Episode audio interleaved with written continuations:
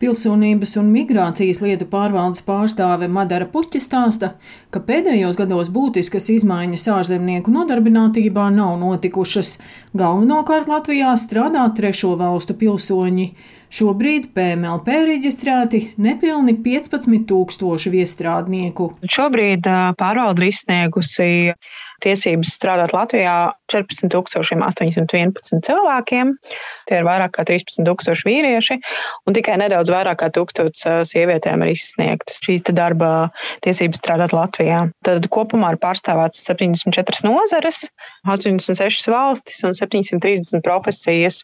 Un 2021. gadā pirmajā vietā bija Ukraina, Baltkrievija, Uzbekistāna, bet skatoties jau uz šo gadu, Uzbekistāna ir izvirzījusi pavirzījusies priekšgalā. Arī Ukraina nav atstājusi top piecinieku. Latvijā ir gan daudz arī Ukraiņas civiliedzīvotāji, kuriem tika izsniegts arī vīzas, ar kurām ir tiesības strādāt Latvijā. Brīvās darba vakances reģistrē Nodarbinātības valsts aģentūra, un vakance ir ilgstoši neaizpildīta, ja tā ir pieejama ilgāk par trīs mēnešiem.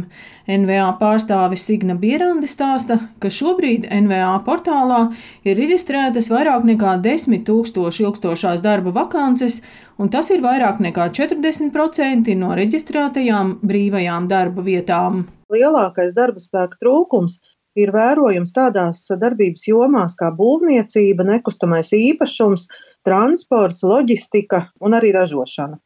Darba spēka trūkums vērojams arī lauksaimniecībā, kā arī informācijas tehnoloģiju un telekomunikāciju jomā. Ilgāk par trim mēnešiem neaizpildīto vakanču saraksta augšgalā ir tādas profesijas kā kravas automobīļa vadītājs, palīgstrādnieks, būvstrādnieks, mūrnieks, ir arī betonētāji, sezonas lauksaimniecības strādnieki, Lielākais ilgstošo neaizpildīto vakanču īpatsvars ir vērojams Rīgas reģionā, kas sastāda 46,7%. Savukārt mazākais neaizpildīto vakanču īpatsvars ir Latgales reģionā ar 12,8%. Šovasar Latvijā bija zemākais reģistrētā bezdarba līmenis pēdējo deviņu gadu laikā zem 6%. Salīdzinājumam augstākais bezdarba līmenis bija 2010. gadā - 17,3%.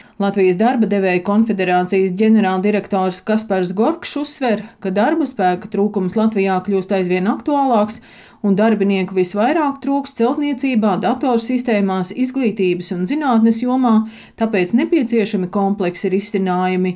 Viņš uzsver, ka Latvijas ekonomiskās izaugsmes atslēga ir kvalificēts un motivēts darba spēks. Remigrācijas veicināšana, jo būtiski ir eh, atgriezt eh, atpakaļ tos profesionāļus, kas ir devušies strādāt vai mācīties ārzemēs.